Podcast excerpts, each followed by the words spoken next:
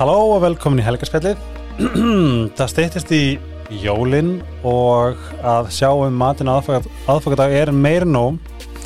Þess að ég mæli með að nýta sér uh, Dominos þegar maður vill bara fá pizzuna heim og ég mæli sérstaklega með tríu tilbúinu því þar er stór pizza á uh, slikk og í hverju mánu koma inn þrjár nýjar pizzur inn sem þið getur valið um og tekið af skipt bætt á.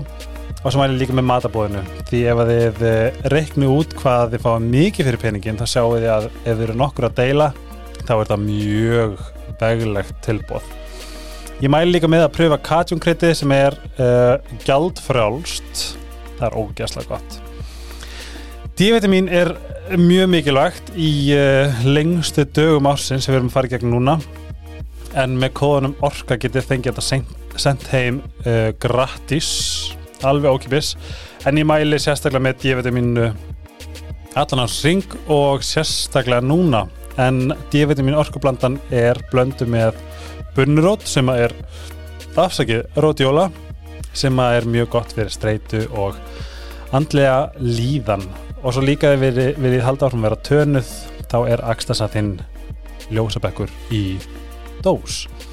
Sítokær er með mjög fallega og veglega uh, gjafapakka í jólagjafinnar eða bara fyrir ykkur sjálf til þess að dekra ykkur yfir jólun ég mæli með að fara á sítokær.is eða í Hagkaup, Livju eða næstu verslun sem að selt er Sítokær ég mæli sérstaklega með Anti-Aging Repair Serum. Það er svakalegt og rannsóknar hafa sínt að það eru 90% mingur af húð, fínum húðlunum og 17% mingun á djúpum hrökkum þess að það er engin bótóks þegar maður hefur svoleiðis serum. Takk fyrir stuðningin þetta gerir mig kleift að halda þessi podcasti í blúsandi gangi. Þess að hjartans hjartans takkir. Ég kom með til minn gest, kæru vinnur, en hann uh, sló í gegn, nei, segir svona. uh, hann er með mjög mikilvæg málefni í uh, fréttanum fyrir ekki svo lengu og ég ringdi hann og baði hann vinslast um að koma strax til mín, Andri Rapp Sigursson, sálfræðingur. Bless. Halló, hvað segir gott? Gott, mjög gott. Hvernig er jólastressi að fara í? Bara ekkert of mikið, sko. Einn spurning, núna á ég vinkunum sem er Ragnarangli Mm -hmm. og hún sagði að í COVID þá drukna hún í sálfræðinu Va- fannst þú fyrir því líka? Ekki, jú, það er alltaf hjá okkur og í mínu starfi síðustu ár hefur tekið eftir að það fyllist rosa hratt í desember. Það? Já. Og í janúar. Veistu af Líka. hverju? Ég held bara, nei, ég, jú, öruglega jólin bara. Þessi það? tími, já, hann er bara mjög erfiður fyrir marga. Einmitt. Ég menna bara mikill kvíði og mikið álag og Mhm. það er úksla margt í gangi á þessum Mhm. tíma. Mikið sem það er að hugsa um margir sem eru að taka álag svolítið mikið inn á sig. Ég er búin að vera að spá í því sko ég er að bæla að hafa smá tónlist undir það sko. Mm. að hérna að því að sko ég lendi í núna ég var svona ég var næsti svona svektu við sjálf mig Mm. að það var komin enni desember og ég var aftur í bara streitu klessu Mm -hmm. skilju og mér fannst það svolítið svona mér fannst það svolítið skrítið. Einhvern veginn að maður, að maður hafi enn eina ferðin að fara í sama farið. Það er svona, ég setti eitthvað í stóri að ég, þú veist, að, að ég sko hlamma mér í baði þegar ég er stressaður og það er ógst gott. Er þetta ekki pínu svona þarf maður ekki svolítið smá undibúning líka bara andlega frá um, þú veist, fólkinni kringu og kannski bara líka bara umfjöllunni til Jú. þess að hvernig kem ég mér hvern, hvernig kemst ég gegnum þetta eins heill og, og rólur og ég get Já, nákvæmlega. Ég hérna, hef svolítið tekið eftir því að þeir sem ná, þeir sem líður vel á þessum tíma eru þeir sem hafa þokkalega góða yfirsýn og ágætti Ah. skipulag og eru kannski, bara eins og með jólækjafir, bara búnir eða búin að Nó, bara græja það bara á sín tíma, á bara réttum tíma og eru og vita bara svolítið hvað þau eru að fara að gera þennan mánuð. já, ég vil alltaf meina að þegar fólk er þú veist, fólk sem mætir alltaf seint Mm. Og ég fór hvað spáði af hverju já og til sko. Og það fattaði ég, ég held þessi háður adrenalínu, Mm -hmm. hvað eru leiklanir hvað er þetta, oh my god, hérna drífa mig, bruna. Af því að þetta henni lógikin á bakveða er rosalega spes. Mm að því við getum alveg fara út úr húsi þarna þú veist, er það frestin á þetta? -hmm. eitthvað svona. Það er svona ég var alveg til að sjá bara bara svona ákveðna bara herferð, bara við erum búin í nóvumber Já, einmitt.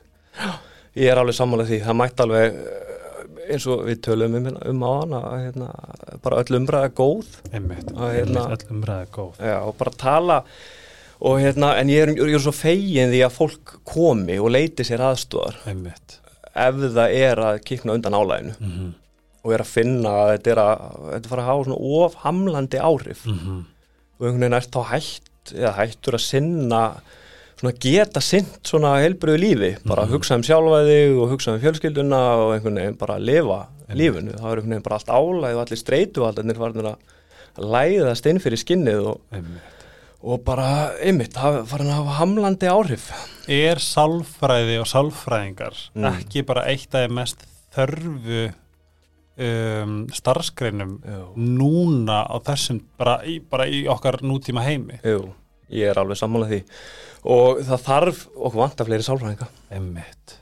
Það er bara þannig. Og ég meina, hjá mér núna það er alltaf, það er alltaf nóg að gera í okkur. Einmitt. Hjá líf og sál, stofunni sem ég vinn fyrir. Hvað er hún? Suðlandsbröðinni, Mm. hérna rétt já. Já, ég ætla að svona hef spáði svona hvernig að það er svo mikið að gerast, það er svo margt að Mhm. koma á yfirborði, fólk er að vakna svo á svo magnan hátt. Þú veist, að, að til dæmis um, hvar var ég að lesa það sem að var verið að tala um bara svona alveg að þetta væri svona lúmst nýtt á nálinni að til dæmis tráma sest í líkamann okkar mm -hmm. en ekki bara í hausin eða hjartað Nákvæmlega er það, er það eitthvað sem að til dæmis þú lærir í þínu námi? Sko, ég, líffræðin, ef ég á nú að vera alveg hinskilin þetta, Mhm. hún var aldrei svona það fag sem að ég hafði einhvern tann mesta áhuga á, en það bara mjög flókið, sko mm -hmm. En uh, sko, að því þú talar um streituna og talar um hennan tíma að þá, sko, það sem að hefur hjálpað fólki sem ég hef unni með Mhm. uh, er rauninni bara að því komin á hann að vera með yfirsinn og skipulæðið Mhm. en líka svolítið að sko þekkja, ég tala rosalega mikið um streituvalda Mhm. hver eru mínir að þekkja bara sig hver eru Ah. mín streituvaldar, hvað er það raunverulega sem hefur áhrif á mig Mhm. Og ég meina hvað, það er til dæmis bara samviskusemin í þér, þú veist bara metnaðurinn og vilja gera vel og einhvern veginn þurfa alltaf gera betur. allt, allar þessar setningar þarf og verð. Mm og svo eru Ú, er þetta bannorð? já, Þarf er og verð. Já, ég meina, einmitt ekki jú, bannor, að því leitinu allavega að það hefur, það sittur á þau kröfur. Ah, en nú verði ég að vera þarna, nú verð og, þetta fyrir að læðast inn í hugsanum sko. Þetta er svolítið gott nefnilega Bannorð, eh, ég, ég vil eins og þú veist bannorðið sambundum fyrir mér er þú alltaf aldrei. Mhm, mhm. En er ekki bara hugmynd að setja þarf og verð sem bara svona lúmst bannorð á sjálf okkur? Jú, allavega að vera meðvituð um mm, svona setningar. Emmi þegar að við erum farin að segja við okkur sjálf eða kannski makan eða einhvern annan félaga Æ, þú veist, ég, á, ég verð að gera þetta, ég má ekki ég, hérna, þú veist, allar þessar setningar sko, sem Vá. setja því einhverja stöð Já, veistu hvað er fatta núna? Hvað getur oft verið triggerandi? Mm. að heyra þetta orð Andri, þú verður bara að gera þetta svona. Þetta er bara óþægilegt. Þetta er bara Það er meira þess að heyra þig segja það sko. Já, En verði ég að gera eitthvað?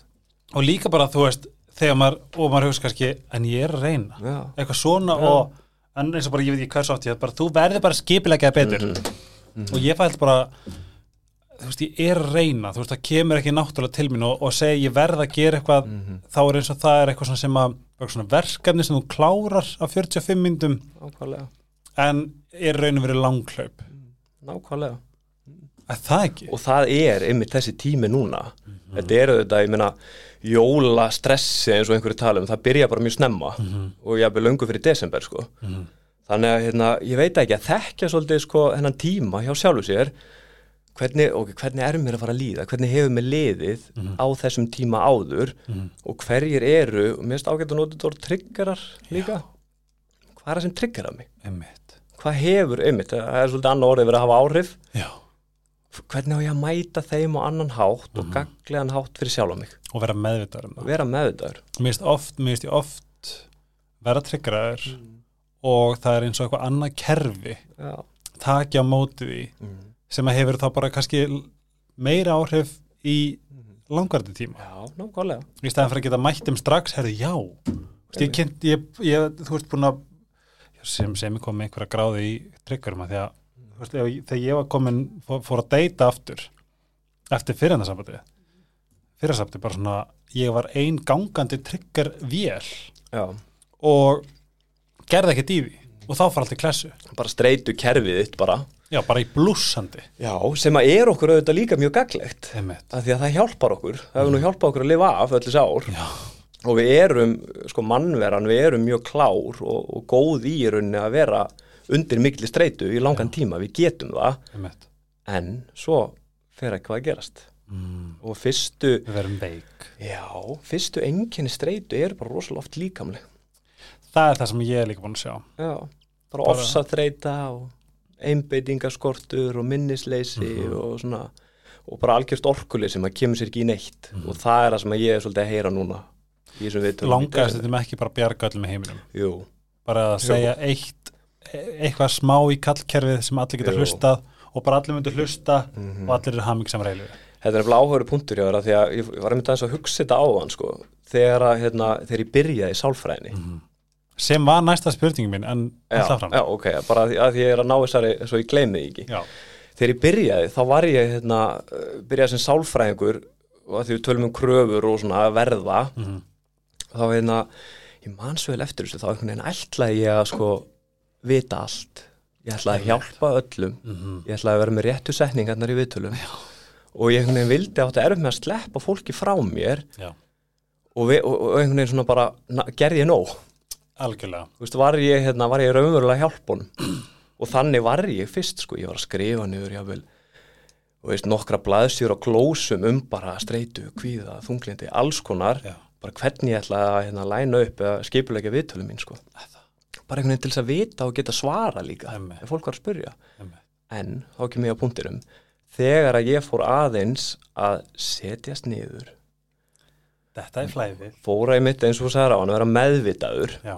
Ok, ég er bara meðvitaður um að þetta er mögulega minn kvíði.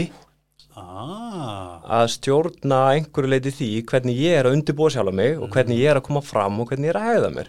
Einmitt, eins og kvíðin kemur fram oft í hegðun hjá fólki. Þannig, að, hérna, en þegar ég fór að setjast niður og bara leifa mér að vera Mhm. hlusta, vera bara til staðar að það var einhvern veginn svo mikið valjú í því. Mhm. Og, hérna, það var þá sem ég var eiginlega betur sálfræðingur. Vá. þá fann ég að ég hafði raunverulega áhrif. Er það ekki líka bara svolítið punkturinn í öllu í heiminum bara þegar þú dettur í sjálfstækingu verður þá ekki bara einhvern veginn allt betra? Jú, skilur það hjálpar alveg klárlega og þetta eru oft punktar sem ég er að nota. Bara það að sko að hérna, staldra bara eins við Mhm. staldra við tilfinninguna sína staldra við hugsaninnar og einhvern veginn svona átta sér betur á hvernig mér. Einmitt. Hvað er ég að gangi í gegnum, hvað er að hafa áhrif á mig mitt Mhm. og hvernig er gott fyrir mig að bregðast við þessu sem ég er að finna fyrir? Mm. þetta held, helst kannski svolítið hendi við næstu spurninga mína Já, að ég fæ svo rosalega oft spurningu hvernig hef ég sjálfsfinnu? Mm hvað byrja ég? Nákvæmlega ég byrja, sko, bara til að svara þessar spurningu þá að því ég er ekki með svona, Nei, nei, nákvæmlega ég. Mér finnst rosa gott kortlækningar stórt orðið sálfræðinni mm.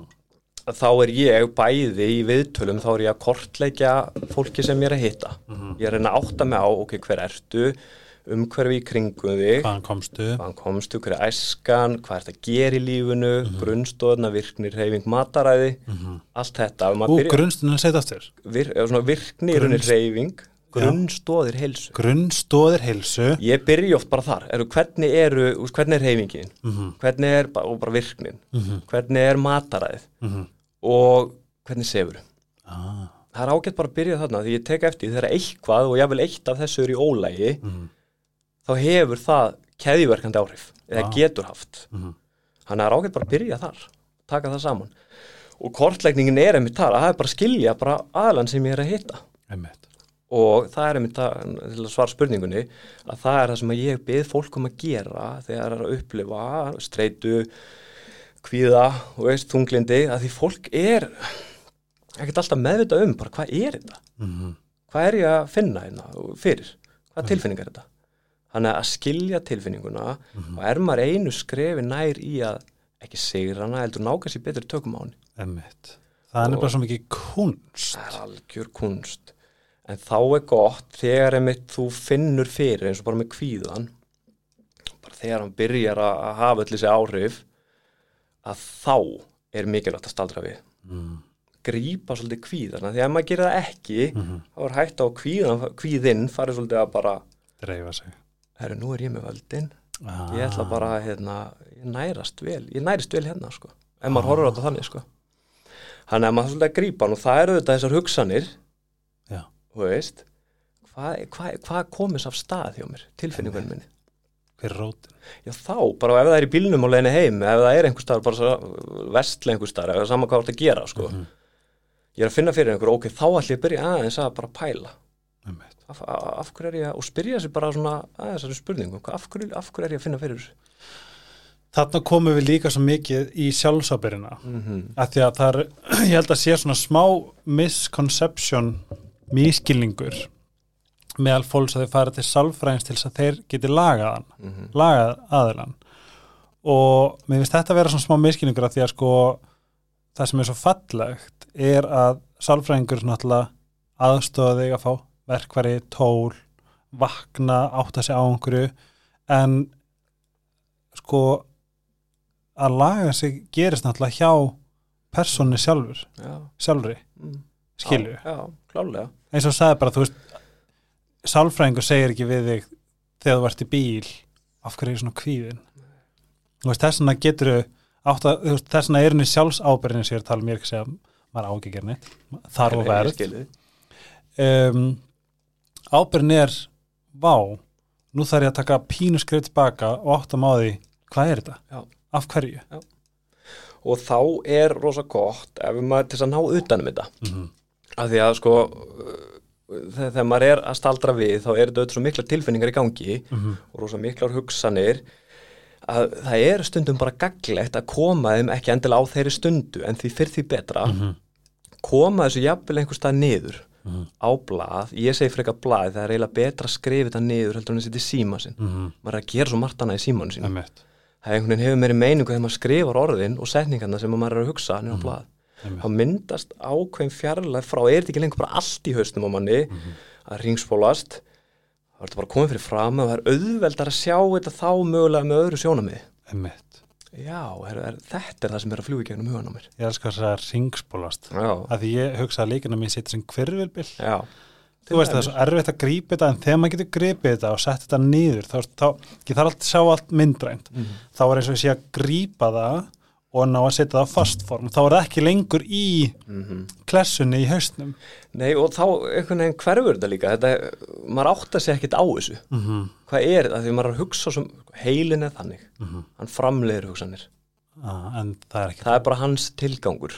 Endalust, þannig að ég hef hún er góðu maður sem sagði við mig hérna, Andri, þú getur glemt í að hérna, stjórna hausnuðinu ah, ég held að sé ágætis pælinga því að við erum ekki að fara að stjórna hausnum eða hugsununum að því að hann er einmitt, það er tilgangur hans að framlega mm það er miklu betra að, hérna, er, ok, við hvað ætlum ég að staldra við?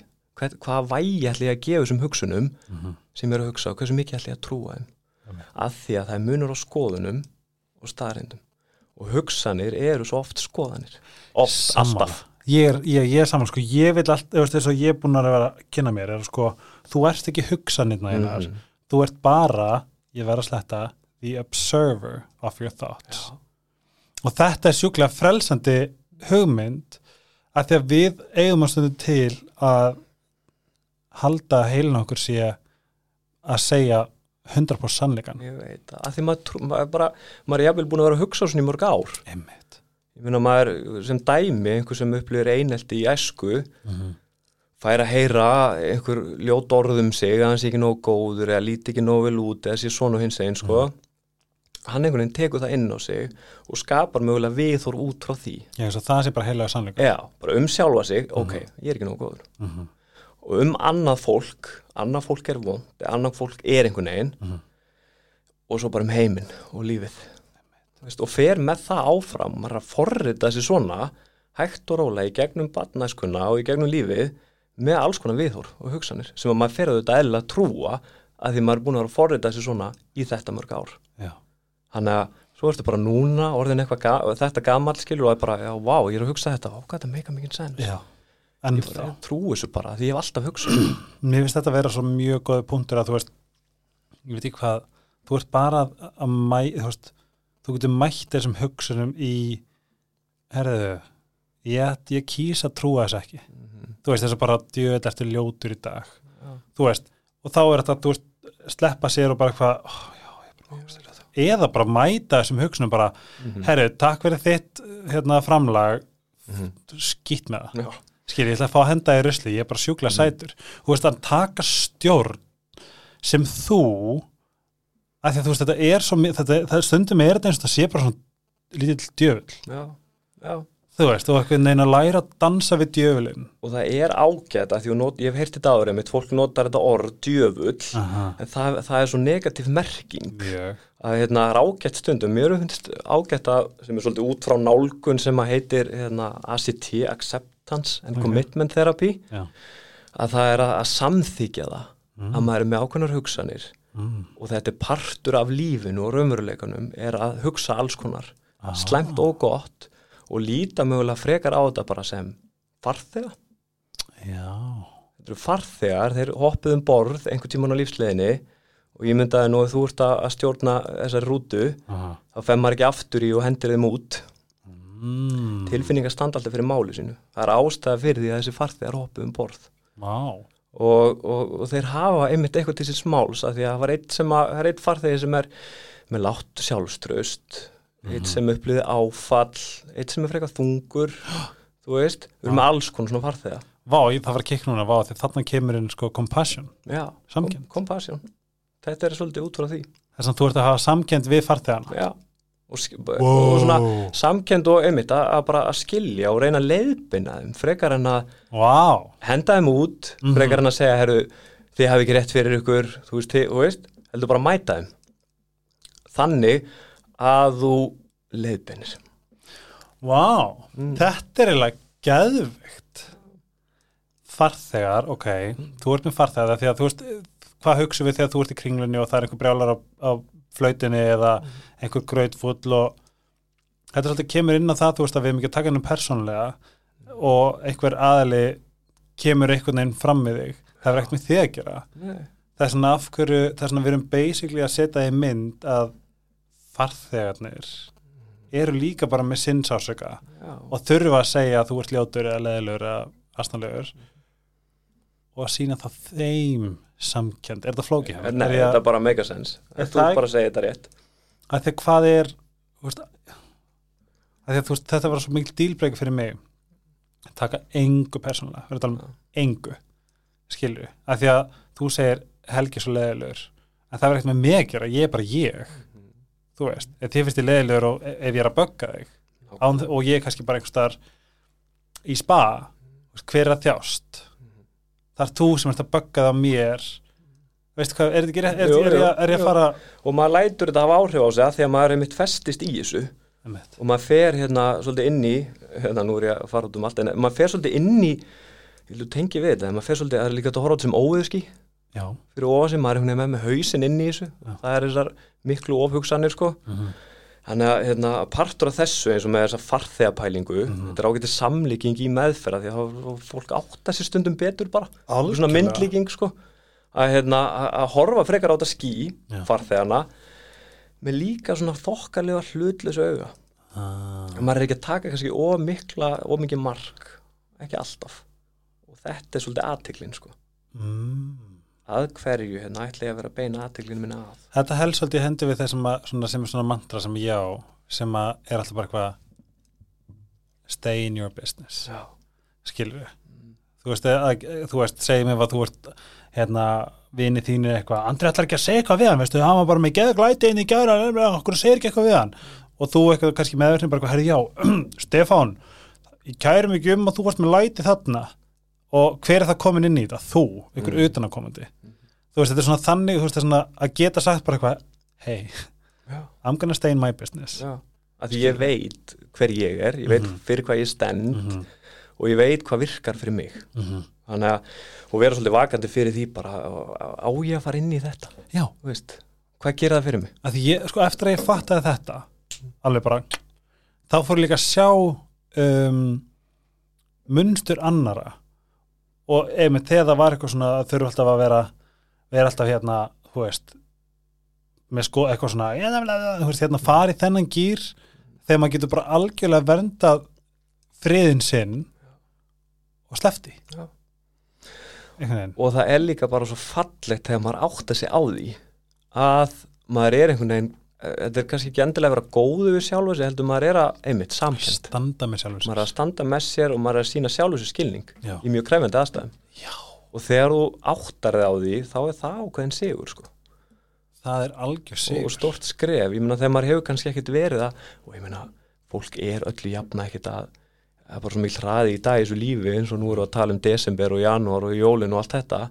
Maður er ekkit oft og það öll þessi tæki og allt sem er í gangi maður er ekkit oft að staldra við og pæla sko. Þetta er held ég eitthvað sem er ég held, ég trúi því að þetta verði einhvers konar 2020 það er bara þú veist, eins og bara nú horfi ég á vinkonuna sem er mæður og foreldra, þú veist, þetta er eitthvað svona hlutverk sem þú átt bara að gera, þú ert náttúrulega maður á eignast börn og fjölskyldun en það gleymi svolítið nummer eitt, hvað þetta er ógustlega krefjandi. Nummer, tvö, hvað maður gleymi stundu sjálfur. Nummer þrjú, nummer fimm, sex, sjö, átta, níu, tíu.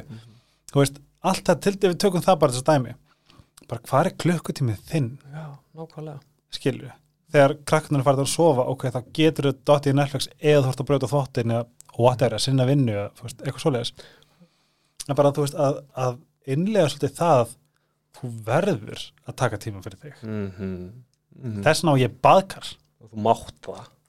Þú mátt það, ó já, njá ég, let me rephrase þú verður ekki neitt, Já, þú færð. Einmitt, bara svona. Þú færð að taka tíma fyrir þig ef þú stendur með því. Og, og í því samengi þá er ágætt þegar þú færði mitt hennan klukkutíma einhvern x mikinn tíma að vita þá, ok, hvað virkar fyrir mig? Hvernig ætla ég að nýta hennan klukkutíma? Mm. og ég nota, þetta er svona í sálfræðinu nota þetta hugtak bjargráð. Hver er bjargráð? bjargráðin mín? Ú, og ég meina alveg eins og þegar þið líður vel já. hérna, Helgi, þegar það eru góði tímar mm og hérna einhvern veginn það er svona ákveðin stöðuleiki í líðan að, að, að þá er ágætt einmitt að pæla í því af hverju er stöðuleiki núna. Ah, af hverju er ég einhvern veginn af hverju er ég að ná ágætist tökum á mínu lífi akkurat núna? Hvað er ég að gera? Og, og þá, er ég að, er einmitt út frá þessum pælingum með hugsun hvernig er ég að hugsa, hvernig er ég að hegða mér? Er ég að, þú veist, eru bjargráðin er ég að nýta þau? Eru þau að hafa þessi áhrif? Þetta er allt frá þessum pælingum með að vera staldra við og pæla. Þetta er svo fyndið að skilja segja þetta að ég fæ að spekla með þess þarna. Ég var að segja þetta upp á þetta við minn. Bara svona í DSB-kerslunni sem er bara, þú veist, frá 8 til fokkin 12 skilju og þá sagði ég, þú veist, ég er ekki að borða vel. Veist, ég er, að svo, ég er, að, ég er svona desperate að reyna að sofa vel. Veist, ég er ekki að sinna mér eitthvað svona. Og ég sagði þetta bara svona 100% upp að bara, þannig leið mér vel. Og samt sem áður og það getur vel verið að þe- þessi orð þarf og verð sé bara allt um ekki fyrir mér. Já, alveg góða punktur. Og líka gott það sem þú segir með að, að- að tala um það. Já, við góðan félaga, góðan vinn eða vinkonu, þú veist bara hvað hérna er vá, mér líður vel núna. Mm þú veist að því þá um leiðum að segir þessi orð Einmitt. þá fer það að pæla. Og þá verður einhver, einhver samskipti um það. Mér finnst Það að þessi bjargráð svolítið flott að því að á hausnum núna alveg. Hérna sko veist, já, hvenær liðum við vel? Og af hverju er ekki fyrir þetta er, samt líka, þetta er líka rosaleg kunst að ég hugsa, ég elska, þú veist, mér líður best þegar ég er að æfa og er í balans. Og þá hef ég oft spurt mig þeim, af, að, þú veist, mér líður svo vel eftir til dæmis krossstæðingu. Af hverju er ég ekki að þú veist, af hverju er ég ekki bara eitthvað, oh my god, oh my god, bara ég mér langs að lifa vel, herri, ég ætla fræðingu af hverju verður það kvöð að leifa sér líka að taka inn allar þessar tilfinningar alveg eins og þegar þið líður illa að því að það er einhvern veginn þannig og ég tek eftir þessu bara í mínu starfi mm -hmm. að fólk á að til með að hætta ég að vilja mæta að því að ægir mig leið bara svo vel það bara Já. gekk vel Mm en svo einhvern veginn gerist eitthvað -hmm. sem er kannski ekkert búið að vinna ágætlega vel með sko. mm. þannig að það skiptir rauninni punkturinn er, það skiptir alveg að miklu máli að vera meðvitaður um og pæla af hverju gengur vel Mhm, eins þegar það gengur illa sko. mhm. Þú er svo well spoken, mér líður svo ég sé algjöru kaos bladri Nei, og þú ert bara svo þetta að lesa upp bara einhver sko. Ja. Já, já. þú ert þokkalega er hann Þú verður að stoppa mig upp "Að þetta var svolítið Ég er vanur svo rosalega mörgu í mínu starfi að ég, hérna, þetta er bara held ég einhver einslafa En nú verð ég að spyrja bara yfir, yfir á því persónulega. Já, Nú ert þú, bæði vei, áður en við höldum áfram Þú ert maður einn af minni nánustu vinkonu, Kollu. Og ég veit að hún hefði hálsöku okkar báða ef við hefðum ekki gefið henni feitt sjátt á en það var mitt, átti að vera mitt fyrsta að gera. Hi Kolla, I love you. Þið tvær fallegustu dætur bara í heiminum. Ó, elska þér þær eru svo fallegar og sætar. En það sem ég langar að spyrja þig nú ert þú bara sjúklar flottu gauð, þú varst í fótbolta búin að vera í ógustlega lengi, ekki satt? Jú, Númer eitt, hvað fekk til að fara í sálfræði? mm nákvæmlega Ef ég á að vera alveg reynskilin Helgi, þá var ég mjög óviss lengi um hvað ég ætlaði að læra Mhm. og þetta var alltaf þetta típiska einhvern veginn, þú veist, er þetta lögfræðin, er þetta viðskiptafræði, þú veist, allt þetta sko. Svo einhvern veginn byrjaði ég í HR fyrir sálfræði og fæ bara fljótlega rosalega mikið náhuga á þessu. Eldsand, hvað mótur varstu? 89, Já, ok, 32, já. Vá. ertu eldri en ég? Mm Nice. Ég og Koll erum búin að vera saman í sjö ár. Please, ekki segja Ég, mér líka að ég og Kolla höfum verið saman í köpun fyrir þreymur og Já, hún talar oft um innan tíma, þetta var ræðislega tími í okkur. En, hérna, en já, ég er búin að vera í, þú veist, já, í sálfræðinni, einmitt, ég, hérna, ég, það var ekkert eitt, en var eitthvað í þér Mm sem þú vildi læra, veist, ég hef oft heyrt að þeir sem færi sálfræði er oft líka bara í þessu fyrir sig, mm. fyrir þekkingu og, og kannski smá heilun fyrir sjálfa sig Ég held að, að- já, þetta er góð punktur það, ger, það, er, það eru held ég alveg einhver hluta fólki sem fyrir þetta bara til þess að, að skilja betur Mhm. en, en fyrir mig var þetta líka því að ég áttaði mig freka fljótlega á því að, hérna, að ég var ég, mér langaði, ég áttaði mig fljótlega mér langaði að vinna með fólki Ok. ég held að það við komum freka snemma Mhm. að því ég held ég að við áttum að ég var bara ágætur að vinna með fólki Mhm. Og mér langaði að taka það lengra. Ekki endilega til að skilja mig heldur, kannski meira að skilja aðra. Ah, og þannig kannski skilja mig, veit ekki. Skilur, þetta er svona eins og höfum maður auðvitað að ná að skilja sig alltaf betur og betur já. og vera að vinna með nærði það. alveg nærði að ertu líka þannig að þegar þú segir eitthvað við skjólstæðing að þú hugsir, ah, ég ætti hvað snýtum þetta. Já, já, klálega og ég meina ég segi sumt eitthvað við fólk sem að ég, hérna, ég er nú ekki alveg sjálfur að gera þetta, ég mætti gera betur að þessu maður er bara mannlegur. Maður er nefnilega bara mannlegur Já. og mér finnst það svo áhugavert líka þegar maður er sálfræðingur þá er oft kannski haldið að maður sé pínu óbyrjötanlegur líka. Ég veit, skilur en þú varst í fótbolta, varst ekki bara, bara mikið í þessu? Jú, ég byrjaði mjög snemma held ég að vera sex ára eða eitthvað því ég byrjaði að sprikla sko. Mhm. það eru til vídeo á mér þegar einhverju mamma setti mér einhverju lópapissu og búningin yfir og var að skora í vittlust mark þú veist, sex ára Ha? gamall sko. Já, já, maður er bara eitthvað svo maður er bara mannlegur. maður er bara eitthvað svo lítill og mannlegur. Og, hérna, og búin að vera í þessu umhverfi rosa lengi og ég held líka að það hafi hjálpað mér núna þegar ég er að vinna meira með þessu að hafa verið svona mikið í þessu umhverfi. Mhm. þannig að ég, ég, á- ég skil þetta svo vel. Mhm. en hvernig þú veist núna þú, kem, það, það, þú, veist, þá, þú hefur svona first hand upplifað þetta masculinity já, dæmi, þú veist locker room, eitthvað sem er kallað eitthvað svona locker room, eitthvað.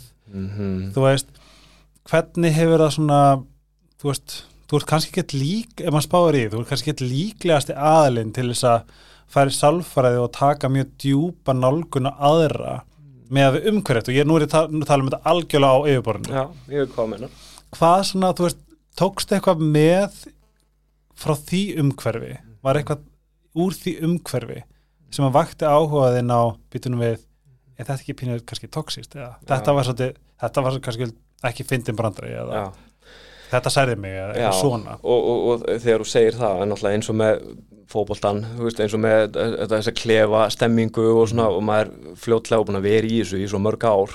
Og tók, þetta er svolítið svona magna sko, því ég áttaði ekki meira á þessu fyrir bara einmitt svolítið setna sko. Hva, hva, í hvað umhverfi er ég búin að vera? Mhm. Að því að það er svo margt þarna sem að meina, til dæmis bara, við erum saman fullt að strákum í klefa og uh, það er einhvern veginn eiga bara allir að standa sig það er allir að vera til staðar og tilbúinir í leik það er einhvern veginn, maður veit ekki meir um manneskjuna en það. Nei, en svo bakvið hverja manneski eru bara fullt af tilfinningum og alls konar saga. Svo er einhver slæmur á æfingu að leika að þá er það einmitt bara að hann er bara ekki nógu góður eða? Bara En hvað þú er veist- já, já, þú veist, hvað er í gangi hérna núna sko. Mhm. en svo er kannski bara með þennan aðla ímislegt sem er á áhrif sko. einmitt og mjög veist þetta verður svo frábært. Var þetta ekki á Íslandi í dag sem þú varst? Eh, rúf rúf, já, þar er þú með nálgun upp á að það er oft erfitt að vera íþróttamæður já, en nálgunin, þú veist, kannski þú veist, þegar maður heyrir þessi setningu hugsa maður kannski, já, þetta er mikið vinna maður vannar snemma, en þú ert alltaf að tala um andlu, þú, ert- þú ert að taka andlega nálgun á þetta já andlegu hliðina af því að hún er allt bara Emmi, í íþróttum yfir höfuð sko. ég meina það er, er hausinn sem stjórnar öllu sem maður er að gera Mhm. reyfingum og hugsunum sko. Mhm. sem síðan b- kemur fram í, í æfingunni eða leik sko. Mhm. og, og þessi pæling með að sko, af hverju er ekki sálfræðingar meira Mhm. að vinna þú veist, með öllu þessu fólki, ég veit er er að vinna og það er margt gott gert sko. En hann ætti bara að vera hluti af teiminu þannig að ég sem leikmaður viljur illa. Hver- hvert á ég leita? Við hvernig á ég að tala? Og líka kannski þú átt innan geðsleppa að vera svolítið óbyrjóðanlega, þú átt bara að vera einhver sparki boltavél og heilbri sál, þessu haustin líka maður. Já, heilbjörn sálir sveistur líka Nei, en það er ekkert alltaf þannig, nei, nefnilega ekki. En það er samt, íþróttufólk er sett á ákveðin stall. Nefnilega það er bara, uh, þú sér kannski, maður á kannski að gleyma þessu mennsk. Já, ég meina, þú sér einhvern sem er í flottu formi og bara kemur vel fyrir, já, það er bara þannig er allt í toppstandi, sko, mm. en það er bara ekkert alltaf þannig, sko. Hvað finnst þér um, ef við tölum aðeins um í rauninni, jú, ef við tökum til þess þetta, bara svona gagkinni kallmenn já, sem eru skotnir í stelpum og eiga bros og eitthvað svona, mm. þú veist, hvernig horfur á í rauninni, ég, ég nennilega ekki nota toxic masculinity, en meira kannski pressuna á því að vera maskulin, Mm. líkamlega og andlega. Hvað hugsar þegar ég segi það til dæmis? Fannst þú fyrir pressunni, sérðu það hjá öðrum af þínum félögum skilur Mm. talið um tilfinningar mjög lítið minnst það nefnilega verið svo áhugavert að því að nú er minn, einn af minn bestu vinum aðdumæri fótbolta og þegar við tengjumst vorum mjög óleiklegir til þess að vera vinir. En ég er svo mikill andlu perri skilur þú veist að, að, að ef ég, bara ég, ef ég og þú fyrir mig kaffi veist, ég er ekki að fara að tala um Ryan Giggs Nei. eða Michael Owen. Mm. já, já, ég þetta er einu fótboltamennir síðan ekki í heiminum sko. Tveir góðir. Já, skilja, eða, eða um, um stelpur. Það er svona nálgunin sem ég hef á mína vini sem eru gagkinniðir, hafa alltaf verið andlegir, en hafa alltaf verið uh, þarfir. já Skilju, hva, hvernig opnum við fyrir þetta hjá kallmennum í dag? með því til dæmis bara uh, eins, og, eins og ég talaði um í þessu viðtalið þarna á rúf, Mm. bara öll umræð er bara svo góð Einmitt. þú veist bara einmitt það að einhver þekktur aðili sem hefur spilað mörg hundru leiki í einhverju efstu deild hann tala um tilfinningar Einmitt. það fekk bara marga unga drengi til að koma til mín og segja hei, þú veist, ég tók eftir viðtalið við þennan og ég, þetta er eitthvað sem ég tengdi við og mér langar ótrúlega að ræða það bara hér með þér en, en hefur kannski ekki staðin til að ræða það Og hefur kannski einu svona meðvitun til þess að átt að segja á því. Akkurat, einmitt, eða bara veist, akkurat þessar tilfinningar, hvað er þetta? Mm. Við hvernig á ég að tala veist, hvert á ég að fara með þetta? Ég finnst þetta að vera svona, ég finn, ég ætla ekki að segja kannski samkend, ég er alltaf þakkláttur fyrir það að ég sé bara mér mjög mikla hvað, kvennorku eða eitthvað til þess að hafa bara einhvern veginn verið alltaf og þú veist, eins og bara, þú veist, í minni fjölskyldi þá höfum við alltaf fengið að tala um tilfinningar og er þetta kannski, þú veist, erum við að tala um ábyrð foreldra? Já, líka. Að fá að setja sniðum barni sinu eins snemma og hægt er Já, og byrja bara að fræða henda í hjallastefnuna til dæmis. Já, nákvæmlega, stemnan Já. Í það í alvöru, bara þetta, þú veist, bara byrja að snemma að ræða tilfinningar og líka bara, þú veist, hérna einmitt í kringum bara hópana og félögin að hérna sé bara, herru við erum með þennan hérna mann eða konu einhvern sem er bara, þið getið farið til og tala við. Mm. eða við getum innan hópsins líka rætt þetta því það má líka þetta inn í klefa sko, Einmitt. hvernig okkur líður en það er svolítið tilfinningi mín eftir öll þessi ár í fótbolta að það er allavega einhvern veginn erfitt Er það ekki bara eitthvað svona er- æstrakar, sorry, ég bara stóðmúst illa, bara, mér líður bara ógeðslega illa andla. Já, það veist, er það ekki svolítið verið að bjóða upp á viðmóti, hvað, halló, ekki, á ég hringja vælibílinn, kellikinn. Jú. Er þetta ekki svolítið það sem maður Jú. maður bara býst við að heyra? og þetta er alveg ennþá sko hugsa ég og allt og algengt sko það er, það er bara þetta, við erum íþróttamenn Mhm. Við eigum að standa okkur og, og hafa okkur og, og einhvern veginn líða best alltaf Það er ekki líðheilsustöð að bara gera heilt hjúts herferð Jú. um tilfinningar, tilfinningar á bakveg íþróttafólk. Jú. og bara einhver, svo hugsa maður líka er fræðsla, er það nóg að því mér finnst þetta góðu punktu með að, að koma einhver aðilinn í hópin og talar Mm en, en svo eru allur hópurinn kannski með eitthvað sem þeir vilja ræða persónlega, og svo erfitt einhvern veginn í hópa að fara hei, Rétt upp hönd og Já. afsaki, hérna, e, veist, þetta hér veist, það er líka erfitt, af því er ég þá að fá hérna eitthvað á móti mér, er ég að segja eitthvað sem miskilist eða, eða er ég að segja eitthvað rétt hreinlega en veistu hvort þú ert stór fótbollalið, þú ert já við bara, Já. þú ert bara, hvað veit ekki hvað það heitir? Landsliðið, Já. já, landsliðið, þú veist, eru þau með sálfræðing Já, ég, jú, ég hugsa það eftir því sem ég best veit sko. þetta á núna? Já, allavega núna sko. Ég held að við sem orðin aðeins meðvitað út í heimi eru sálfræðingar alltaf bara með félugunum allavega í einhverju löndum Ok, en svo í stórum liðum í dag er, eru endilega ekki sálfræðingar veit ég nei. hérna, hana, hérna, þú veist, þetta er einhvern veginn kannski aðeins núna að vakna Þetta er nefnilega að vakna og ég er svona, er búin að spá svolítið líka bara allt þetta. Ég er ekkert að spá í fótboltaliðinni, ávísli. en ég fæ meira svona, shit, hvað er þetta að sé? Já, Þegar þetta er til, til dæmis sko frekar, ó, ég er eitthvað staðinska, repeated behavior, mm bara svona endutekin hegður endur tekin hegðun hjá svona mörgum einstaklingum í sömu aðstæðum Já.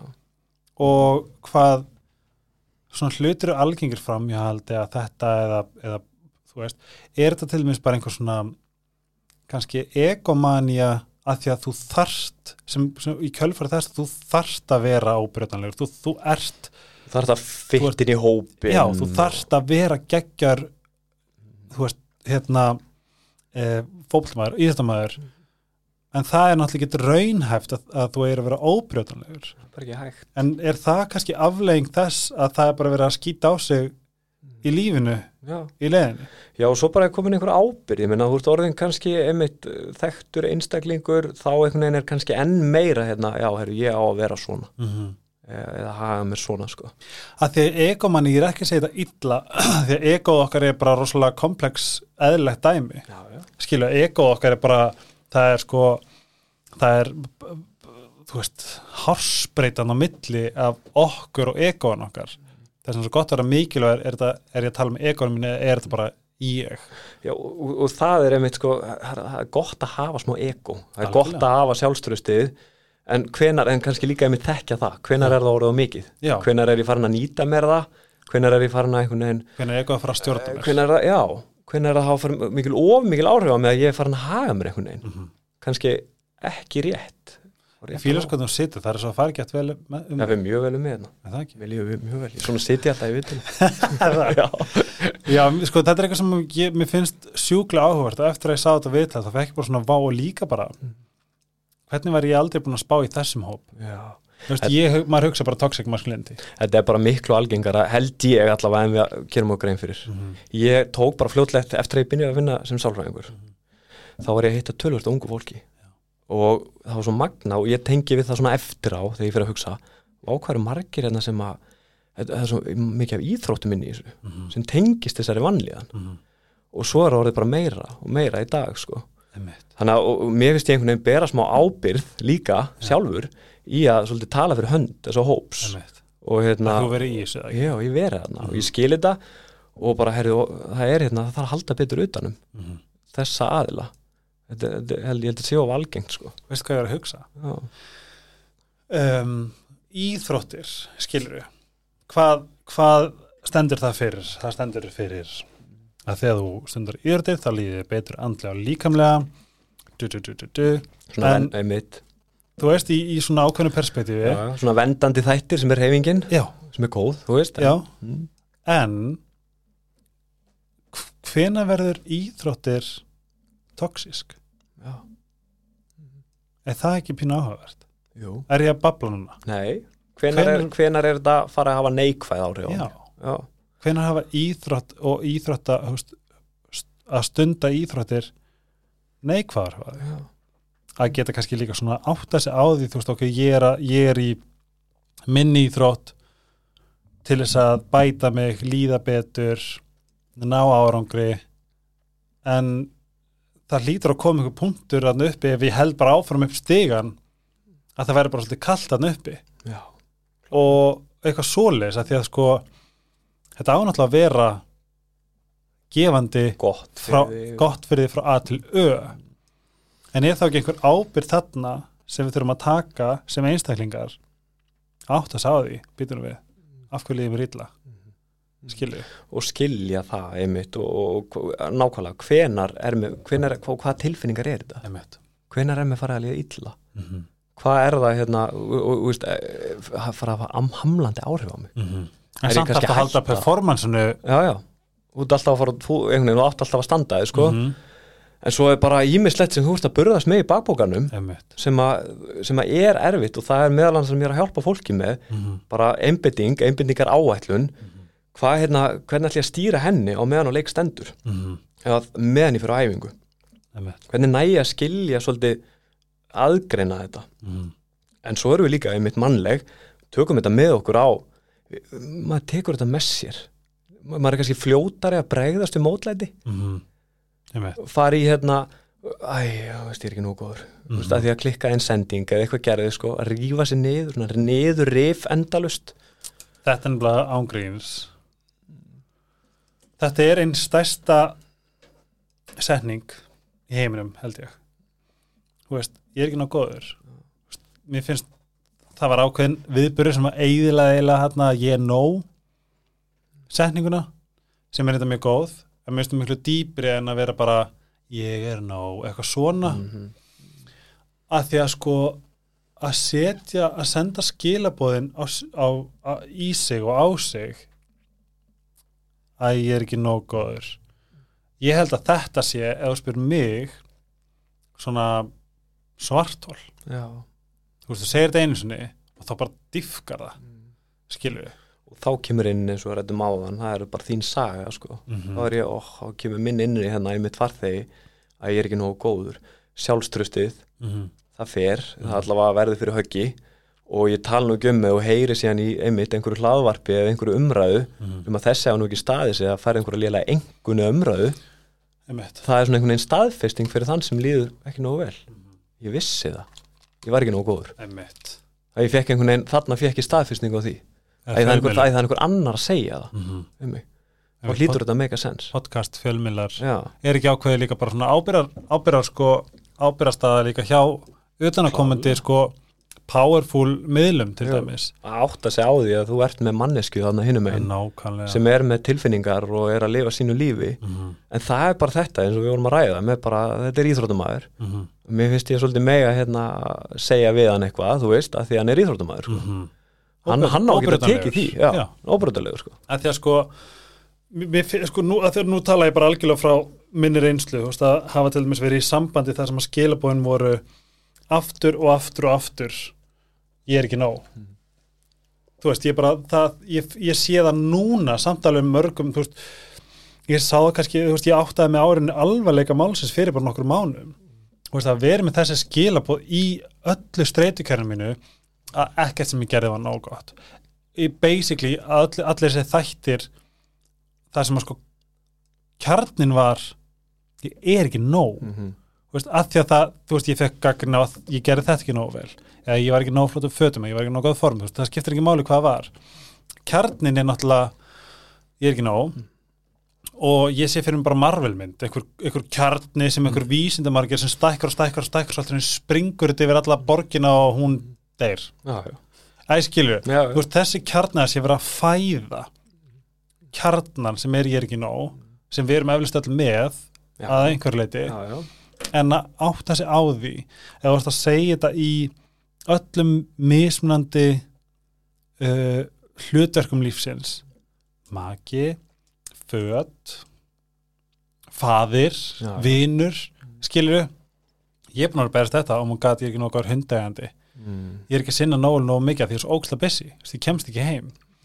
Og þú veist þá er, þá er einhvern veginn það ó, ég hugsa alltaf mikið um contribute, Já, að sjúast hún í kjarnan sem er það bara að stækka stækka stækka það er líka það er umlega ég veit og þá er áhugert að fara um- einmitt þegar maður spyr fólk en hvað er það, skilgreina svolítið fyrir sjálfur sér hvað er það að vera ekki nógu góður Hva, hvað er það fyrir þér einmitt að vera ekki nógu góður kannski þessi orð þarf og verð til dæmis, veist en þetta er áhugert að því einmitt þegar ég er að vinna með svona fólki og eiginlega öllu fólki en helst íþróttu fólki líka Mhm. er einmitt sko, þá feim maður alltaf í hérna ok, hver eru styrkleika mínir, Mhm. hver eru anstæðinga mínir, Mhm. svona gallar eða það sem hefur áhrif á mig Mhm. Og maður byrjar eins og ég, ég nefndi kortlækningu ná maður byrjar svolítið þar bara, Mhm. hvað er þetta hérna hver ert þú, Mhm. hvað hefur áhrif er kort, kortlagning mm. er þetta eitthvað sem að getur verið myndrænt já, til dæmis þegar ég tek það stundum niður í viðtölum þá er ég að teikna bara, mm. bara með ringjum og alls konar sko. bara fyrir mig til þess að að skilja sko.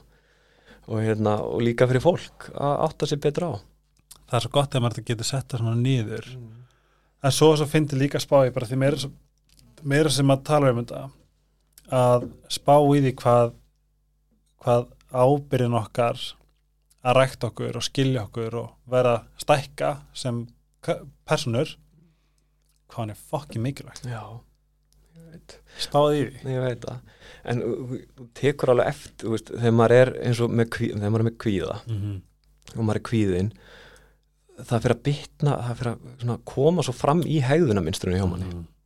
maður fyrir að vera veist, og eins og ég fótbolta fólki til dæmis maður fyrir að vera hikandi, passífur maður fyrir að hættir að maður reyfi sér vittlaust, maður fyrir að passa sig alltaf Mhm. og þetta er unni alveg eins og í íþróttum og í lífinu bara áhrifin sem tilfinningar hafa á mann Mhm. það kemur svo fram í hegðuninni hjá manni Mhm. Ég er ókslega kvíðin og þá einhvern veginn líkamstjáningin Mhm. með lítið sjálfströst að ég fyrir að horfa meira niður Mhm. ég fyrir einhvern veginn að þá er maður að hugsa sko Mhm. ég fyrir svona inn í mig Einmitt. og þetta sér maður líka á vellinum sko Mhm. ég fyrir ekki að vilja fá boltan að því ég ég vill ekki taka áhættu Já. að því ef ég tek áhættu og ger eitthvað vittlaust þá kemur kjarnin að ná hann ó, þú veist, á ég að gera þetta, ég er ekki nóg góður Mhm. þessar hugsanir sko þannig er þessi ég er ekki nógkjörni Já, þess vegna er svo mikilvægt að targetir þetta hugsana minnstur hjá ekki bara íþróttufólki, heldur fólki yfir höfuð Mhm. hvað er það sem þú ert að hugsa á meðan já, bara á leikstendur eða í lífinu sjálfu sko. Hvað myndir þú vilja sjá til dæmis varandi, þú veist, að því nú er ég bara sem damage control, veist, hvað er hægt að gera áður en að við förum í kannski myndir sem er keirandi í okkar okkar kannski aldursóp núna eða 5, 8, 10 pluss ár skilur við hjá unga fólkinu eða hjá foreldrum hvað, hvað er raunni til ráða til þess að komast í vekk fyrir þetta mm -hmm. komið vekk fyrir þá að skilja þetta betur Já, og komið vekk fyrir að fara ekki í þetta, þessa hugsana villu og þessa svona ég bara svona þessa þannig spíral já. þetta er auðvitað ábyrg margra mm -hmm.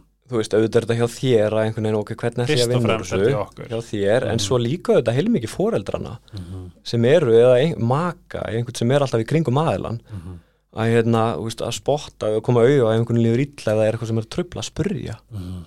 Þú veist, og fræða, ég meina hvað er þetta sem þú ert að upplifa? Að, að því leitum sem þú veist allavega, ég meina náttúrulega er þetta að vita allt.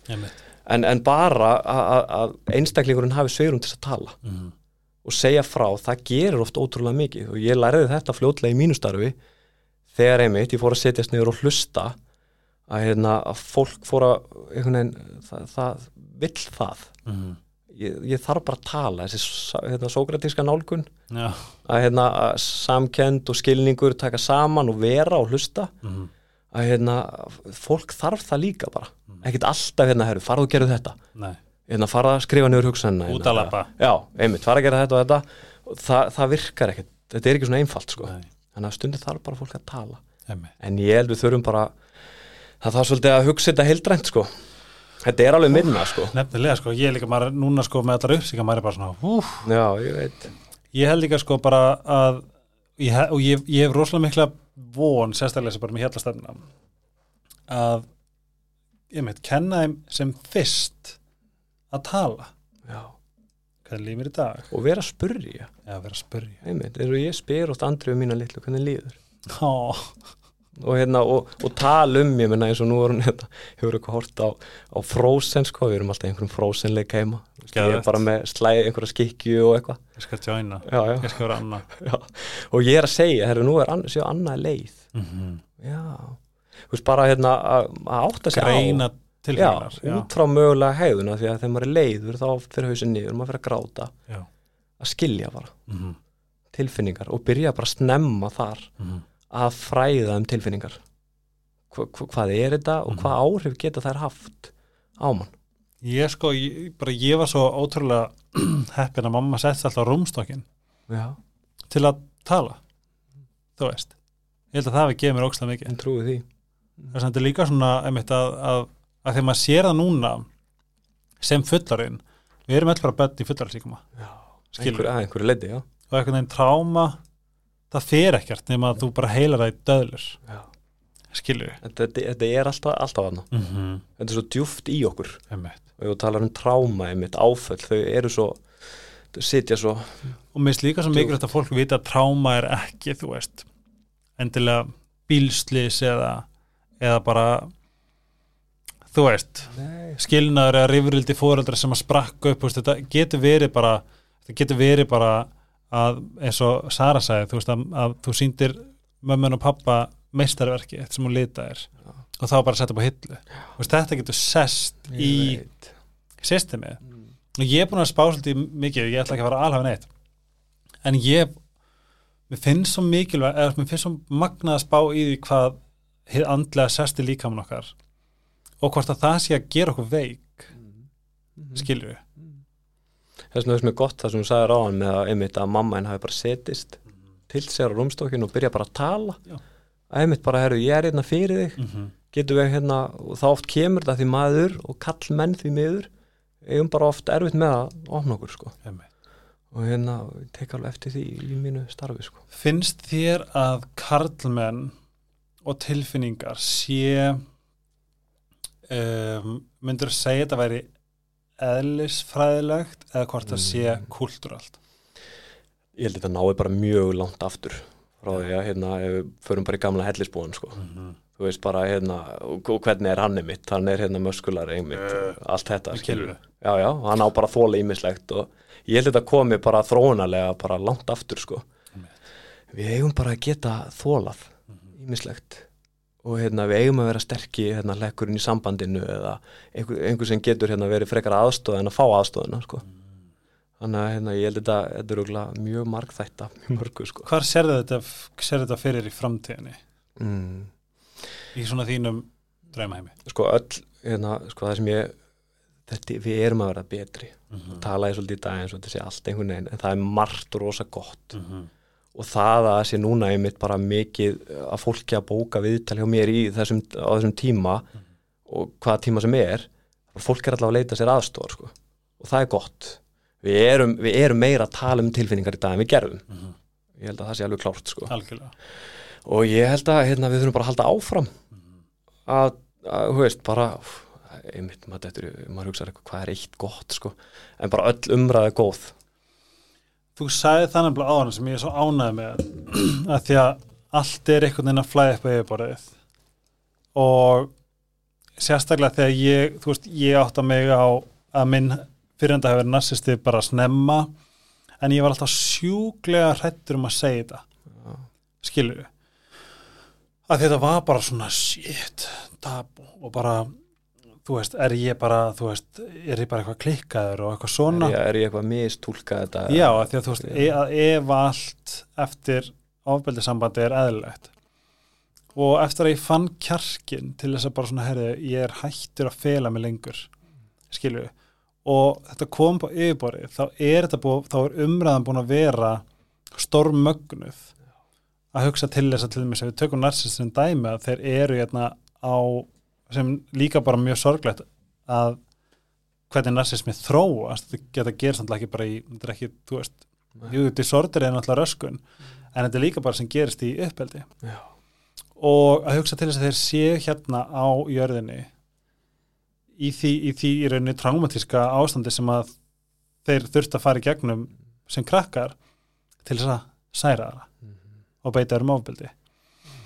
Þetta er samt búið að gera svo mikið fyrir þólendur að átta sig á því ég get ekki lagað Mm. þetta að því að ég, þú veist, ég var í átt ára bara endalust að laga og þá er ég meira svona að spá þú veist, að umræðan er góð Mhm. ef við tökum upp á þú veist að við getum ekki stjórnast ég, ég, ég vildi óska þess að þetta getur verið undir bara nei, veitu, hvernig er þetta þú veist, ef að, ef að það myndi benefit eitthvað en þetta væri hulið þá er það bara valið en þetta getur ekki gert annað en gott fyrir þá sem að fyrir þólendur eða Nákvæmlega. komandi þólendur Já, einmitt.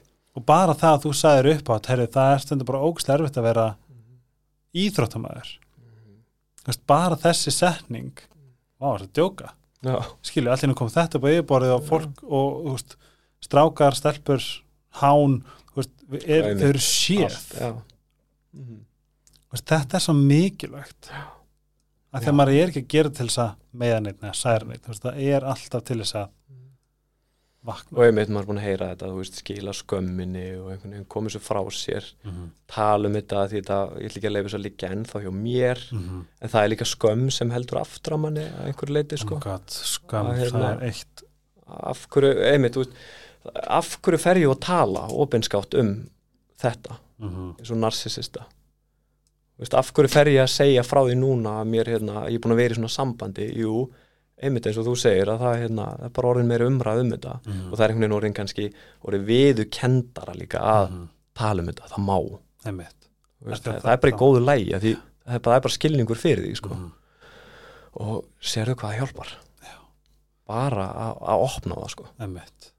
bara fyrir þig sjálfan skilur að bara hérna, skilja þetta betur í hvernig sambandi var ég skilur veist, hvað var í gangi og, og þegar maður byrja að tala og byrja maður líka að átta sig meira Mhm. á þessu og þá fær maður líka ótrúlega viðbröð miklu meira en maður hafði kannski ímynda sér sko. algjörlega gungur, ég held, ég held sko fyrst að ég er bara útskáður samfélaginu, ég myndi segja Mm. þetta upp á já, pældi því veist, Þa- en þa- þetta er held ég svo algengt sko. nákvæmlega ef ég fer að tala, er ég, hvað gerist sko? Mhm. það er þessi hérna kvíði og Eitthvað. líka það sem að þú nefndir orðið skömm á þann erum við ekki saman, þetta er eitthvað sem ég er búin að spála sjúklega mikið upp á síðkastið. Er skömm ekki faraldur út af fyrir sig að lifa í skömm? Ég held að sé ein aflegging þess að hafa orði fyrir áfalli mm -hmm. eða farið í gegnum mjög erfiða tíma er að, að kannski tekur í eins og þetta hafi verið mér að kenna var að mér að kenna að hafa verið allan enn tíma af hverju var ég ekki, þú veist, þessar setningar sem maður sig, af hverju var ég ekki farin fyrr einmitt þú veist, af hverju hérna og svo eru kannski liðin 10-15 ár Mhm. maður er ennþá inn í sambandinu mm -hmm. að hérna, það er eitthvað að trubla það að maður fari og stíði skrefið sko. eins og þetta sé einhvern veginn þér að kenna að hafa verið í því mm -hmm. þín, þín ábyrð hafa ekki farið fyrir mm Mhm. -hmm. þetta heyrir maður sko. Mm að, hérna, en svo einhvern veginn gerir maður og sérðu ávinningin skilur, en ég held að sé bara ótrúlega erfitt að því að það er svo mikla tilfinningar mm -hmm. sérstaklega í samböndum Mm -hmm. að, hérna, að maður fari að svona efast líka svona, veist, ég, og kannski um sjálfa sig er ég, hérna, er ég að upplifa veist, nei, ég meina, á maður ekki alltaf að vera on top of your game og á ekki alltaf að vera í lægi hérna, að því að það verðist einhvern veginn allir aðri vera sko. þannig að þá fyrir maður kannski að efast sko. allir á Instagram er svo já, eða þú veist, eitthvað bara skilur einmitt svona eitthvað Ég er bara, er búin að spá svolítið í skömm hvort að þú veist, er það ákveð ástand sem helst í hendur við svo ógislega margt í hver við erum. bara í þessari vanlíðan held ég sko Já. og í þessum hugmyndum, já, sem þú hefur um sjálfa þig mögulega sko Ég hef svolítið bara að spá, þú veist, bara það að mann líði illa. Hvort að, hvort að sko, hvað sem var, rúsinin í pilsendunum sé skömmin. skilur þú veist, ok, einhver líður illa sérstaklega svo kallmanni tökum þetta sem dæmi, hann líður ömulega en er ekki skömmin það sem að færa hann ekki til að tala? Mm það getur verið í rauninu svo margt, jú mögulega skömmin eða bara hérna einmitt þessi sjálfs evi mm -hmm. veist, er ég að upplifa er þetta rétt sem ég er að upplifa hérna? Og hefur að upplifa öll þessi ár. Mm -hmm. og hérna, ég held að þetta sé bara er það sem ekki skömm? jú, klálega, það er skömm. Að þegar ég, ég, ég Já. hugsa tilbaka og hugsa, þú veist, ef að ég hef sagt við þig Andri, skammastu þín þetta er að versta sem getur sagt að krakka held ég þú veist, frekar segðu og hatir hann mm. og hann mun fara betur gegn lífi en Mm. ég maður bara, þessi, þetta orð skammast þín, þetta er hræðilegt orð Já. og þá identifæir maður við það að maður eigi, þú veist, að sjá eftir og skamma sín og eitthvað svona sem að finnst sem í, í, því, í því samhengi finnst mér bara nokkuð heilbreykt heilbreyðar allavega að segja, þetta var ekki rétt þú verður að reflekta sjálfa þig og ekki gera þetta aftur, eitthvað svona. Já, nákvæmlega. En skömmin innra með okkur er hún ekki pínu er hún ekki pínu mm, eitthvað sem stækkar? Skilu, er hún ekki eitthvað svona fræja kannski arfi? Mm. Hún getur stækka þannig að sko að maður fari að, að kannski of hugsana Mhm. maður fari að sko einmitt eins og ég sagði hann, það er kannski komið svo mörg ár að maður takja ákvörðunum að fara úr sambandi sem er mjög óheilbrygt Mhm. að, hérna, að maður er búin að, maður er svo mikill í vannlíðan Mhm. að hérna, eins og maður segir, þú veist, eins og með áföll og tráma, tímabil Mhm. eðlileg viðbröfi óeðlum aðstæðum það er ah. ágætið setning, maður er að upplifa alls konar eðlilega tilfinningar en maður Ó, kannski ah. maður kannski hérna, maður, hérna, eðlileg viðbröð eðlilega tilfinningar við óeðlum aðstæðum ah. þetta er svona mikið, Wow. not, mikið notað í rauninni þegar við upplifum bara áföll mm. veist, því, þú ferði gegnum alls konar tilfinningar Mhm. þegar þú upplifir áfall það er ekkert einhver eitt skali þar sko. Þannig að ég held, jú, skömmu klálega eitt hluti af þessum tilfinningum Mhm. en ég held að þetta sé svo margt sem þú ert að upplifa Einmitt. sem heldur aftur að þér mögulega í að tala í að efast eða þú veist, í að hérna, fara áfram með það eitthvað sko. eðlilegar tilfinningar við óeðlum aðstæðum Já, wow. þetta er, þetta er, þetta er ágætið setning sko. revolutional Já, það er bara svo gott að vera með þetta það Mm. er þetta heilbreytt já, er þetta að gera maður gott já, að því, þú veist, margir já, margir, þú veist, það kemur fyrir að maður, hérna, maður upplifur erfileika fólk og hérna, fer að má mig líða svona Einmitt. Veist, nú, nú er ég bara að upplifa þetta og þetta og kannski tilfinningar sem ég hef ekki fundið fyrir áður. Mm. er það rétt, þú veist, á bara fá hérna validation í viðtali að hérna já. Þetta er eðlilegt. Það er eðlilegt, það gerir maður mjög mikið sem sálfræðingum, maður er mikið að normalisera. Mm þetta er eðlilegt, Mhm. við mjög óeðlum aðstæðum sem við varst að ganga í gegnum.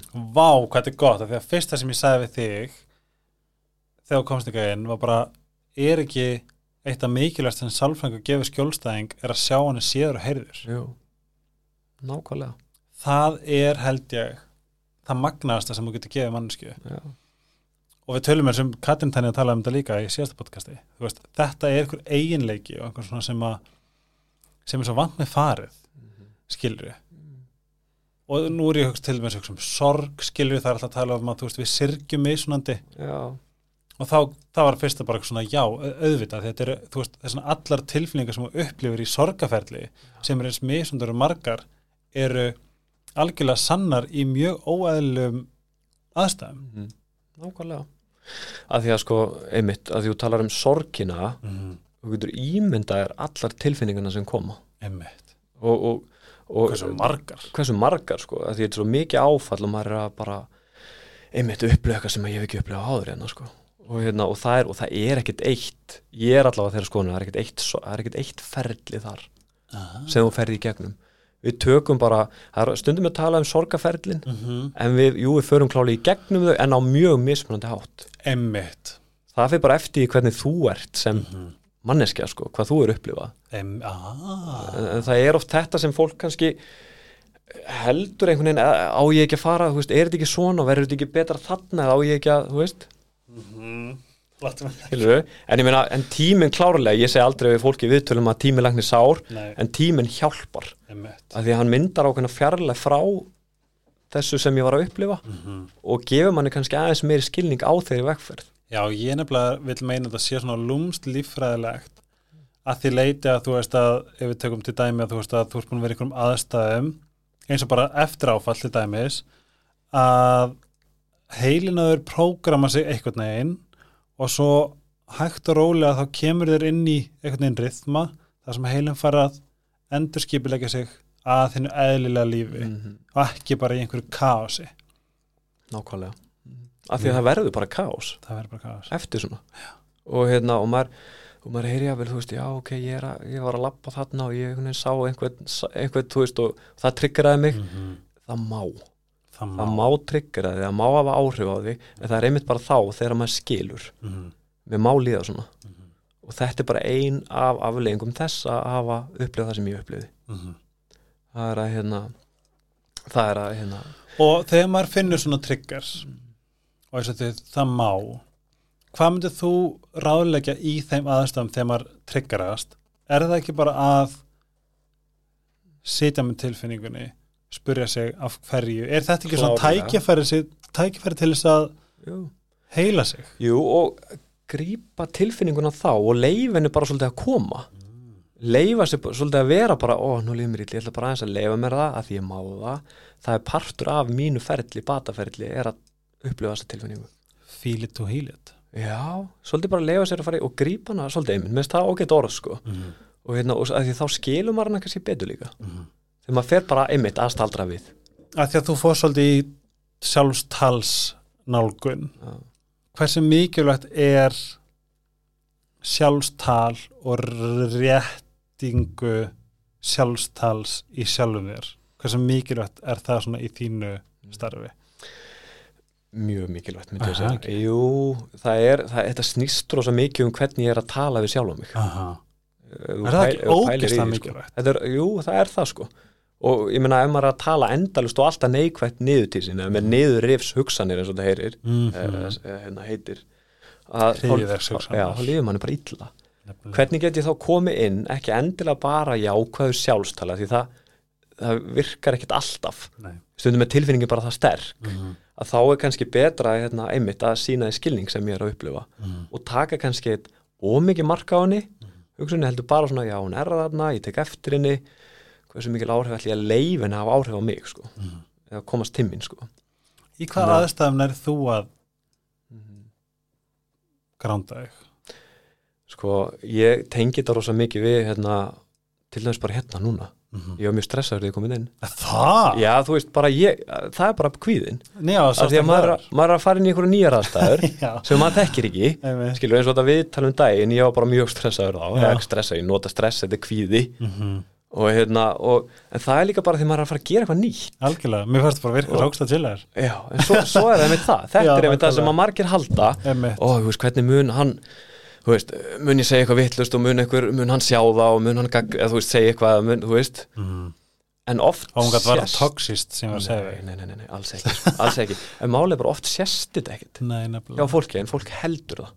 Þess vegna svo mikilvægt þess að pappi er búin að segja þetta við mig frá að ég var lítill og ég var alltaf, ég fattaði þetta ekki fyrir en ég var mjög fullorinn og bara fattaði þetta ennþá meira nú í dag. Og veist, það eru allir að fucking díla við eitthvað. Og treystu á færnina þína mm -hmm. í því sem þú ert góður í. Mm -hmm. þegar þú ferðin í nýjar aðstæður þú ert að gera eitthvað nýtt, að upplifa erfileika h- hver er ég mm Mhm. í hver er ég góður? Eins og ég nefndi á hann í viðtölum mínum. Þú getur alltaf allavega setið Já, og hlustað, einmitt. en ekki setja kröfur um að einmitt, þú er að vita allt eða geta allt eða og leftum að vera Já. heyrið og séð já, nákvæmlega, þetta er svolítið þannig sko. þannig að gránda mig, það er bara svolítið að hérna, stýra aðteklinni sinni Varstu Þú veist. góður í? já, maður verður betri í því, held ég Er þetta ekki bara veðvið sem að ræfir? meðal annars, jú, algjörlega þetta er, þú veist, þú, bara, þú lærir þetta svolítið Mm -hmm. en ég minna svo hef ég, meina, ég á tvö börn og, og hérna það er ekkert sofið mikið og maður er náttúrulega bara alltaf í alls konar ástandi sko. Einmitt. en ég held líka bara einmitt þetta að bara, já, herðu nú, er, nú á ég börn, Mm það er ákveðið tímabil. Þetta er þessi viðhorf sko. Einmitt. þannig að hérna, það verða alls konar tilfinningar það verða erfileikar Mm þannig að það er þetta bara að sína í skilninga að þetta verða erfitt í ekki langan tíma. Þá bregst maður kannski öðru sér við því. Nefnilega, það sem ég finn sem ég hef alltaf sagt við fólki mitt og svona sem að ég er eitthvað að babla við. Það er að eins og bara með hugleðslu og, og að hlusta á eitthvað og spá í einhverju við erum oft svona íf að hugsa að halda að, að hlutin gera strax eins og fólk sem sérstu huglegur og segir það er ekkert að gerast. Skilju, það sem ég finnst þetta svo magnað þegar við tölum bara um langklöpi ég upplifa alltaf nei, ég, þetta var ekki rétt. ég upplifa svo oft að ég bregst við og kemur skemmtilega óvart. Vá, ég var ekkert að spá í þessu. Eða segjum að koma erfiðu kunni og fer eitthvað að tuða. Þú veist, ég veit að gamli helgi hefði farið í vörð skilur ég þurfti að vera í vörð í átta ár með fyrrandi og núna tekst mér að átta mig á því á þess að þurfa að setja eitthvað brjála orku í það. Þetta hefur ekkert með mig að gera. Nei, og stundum er það bara þannig það er svo mikið Ég þannig. veit það, þetta hefur ekkert endilega með þig að gera. Með að bíp, og kannski hef ég eitthvað með að gera. Eða, eða hver þú ert eða, þú veist, maður tekur náttúrulega einhverja ábyrði í þessu, sko. Ég var að hugsa ef ég svín eitthvað skilur og bíp Já, þá er bara, oh my god, sorry. Já, já, en að mörgu leiti þá er bara allt sjálfsábyrð skilur og einhvern veginn að kunna navigata sjálfsábyrð og að vita það er svo margt sem hefur ekkert með þig að gera. Mhm, skilur skeist á þig, flott, sjálfsábyrðin kikkar inn, mhm. Ég verð að gera betur næst. Þetta var ekki lagi eitthvað Hvað, get ég lært af þessu? og hvað gerist þá? þá hækkar tíðnin þín, skilur nákvæmlega. Svo upplifur það að gera eitthvað rámt eða gera eitthvað öðruvís í einhver, einhvern next langan tíma mm -hmm. að það er einmitt þessi lærdómur, sko. Þú veist, ég veit þá, ok, hvernig get ég þá brugðist við mögulega næst? Emmitt, að því ég veit, ég brást svona við þarna. Það hjálpaði mér ekki. Nákvæmlega. Að því ég fór á okkur vondan stað. Ok, hvernig get ég þá þetta er svolítið áhugaverð nálgun í, í sálfræðina því að til dæmis eins og með þunglindi og fer ég svolítið út um allt einhvern veginn. Endilega. Að því að það er oft viðbröðum við þunglindinu sem viðhalda þunglindinu. Ah. til dæmis. Og eins svolítið með kvíðan sko. Að því hvað gerir maður þegar maður líður illa? Mhm. maður fer að einangra sig mm meðal annars, maður fer að borða illa, maður fer að sofa meira. Emmitt maður fer svona að vera félagslega óvirkur kannski þetta er allt viðbröð hjá manni sem síðan hýfa upp og ít undir vanlíðanina. Þannig að þess þetta. já, þess er maður svolítið að reyna að skilja fólk, einmitt hvað er það sem viðheldur hver er þessi vítarhingur, hvar getur við byrja að hérna, slíta hann svolítið upp? Og það sem er svona mest krefjandi í mínu starfi myndi ég segja að það er að reyna að hverjum og einum. Þetta er mér svo magna líka að spá í því. Því meira sem ég tala við alla hérna við erum einstaklingslega séð svo fáranlega ólíka og komplex. Svakalega sko. Þess að þú veist, ráðin mín, jú, ég get alveg sagt eitthvað sem að, þú veist, þegar þú heyri setningu og þú ert tilbúin að heyra hana þá svona, wow. Já, þetta, wow, eitthvað svona. En svo sem margt annað í mínu systemi sem er allt öðru við sem gæin við hliðin á mér sem var kannski líka narsísku sambandi æskilu, Mhm. þess vegna er oft ekkert sko þó að ég sé oft með alls konar hugmyndir og setningar og hjálp fyrir fólk að hérna, þá þarf maður samt að gefa sér tíma í mitt þetta meðferðasamband bara hérna, að skilja hver er þú. Og, og, hérna, og hvernig get ég mætt þér með ákveðnum skilning. Og það tekur oft bara á hérna, einhvern langan tíma stundum sko. Þannig að það er einhvern veginn ekki að stökkva strax inn og vera bara með öll, alla lausninnar sko og vera einhvern veginn að vera, já, nú er ég bara fyrir þig og ég ætla að leysa lífið þitt sko heldur anda. Já, ég finn þig, ég skil þig, ég sé þig. Já, byrja þar sko. Mhm. að hérna, að einhvern veginn, einmitt, við erum svo ótrúlega ólík sko. Það er það sem er svo magnað já, þegar maður spáir í því hvert einasta litla tráma sem gerðist kannski æsku er kannski bara ótrúlega stór hlutaðir í dag. Ég glemdist að spyrja mikilvægsta spurningu podcastins hvað er stjórnmerkjast? krabbi Ú, ég ætla ekki að ska fisk er júli, 7. júli og dótti mín núna Andrea fættist sama dag, það er rétt, krabbi líka. Fokk hvað það var magnað. Já. Að við Svolítið kollaði hvað hrútur Hún er í, já, nei, vá, nú bara þekki ég þetta ekki, sko. Apríl. já, byrjun, Mm Já, hrútur 14 og 4. ég skal klippa þetta út Já, hún, já, nákvæmlega, já. mm. Það er áhugavert. já, hvernig Það er hrútar Mm. pínu grefandi Já, krabbin, sko. Ég er svona upplæði mér feimin. já, Ég er það, sko. Það fer, fer ekkert mikið fyrir mér. ertu introvert Já, ég myndi segja það. Ég er hérna, svona félagslega ekkert, það er ekkert endilega það sem gefur mér orkuna, sko. nei, ég fólk heldur að ég sé sjúklega extrovert sko, Já, ég er það ekki sko nei, Ég- svo er það nefnilega það, sko. Ég er af tvíbur, svona, ég er svona extra og intro. Já. en er ég líka extreme extra þegar ég er úti en svo er extreme intro. En þess vegna þetta er einmitt áhugavert að því að þegar fólk kemur til mín veist, það er introvert, það er alls konar extrovert, persónuleikar, alls konar að hérna, maður þarf líka að segja aðalega sig að skilja sko. Mhm. Þú veist, ég er ekki að fara að segja það sama kannski við þig og ég sagði við hann.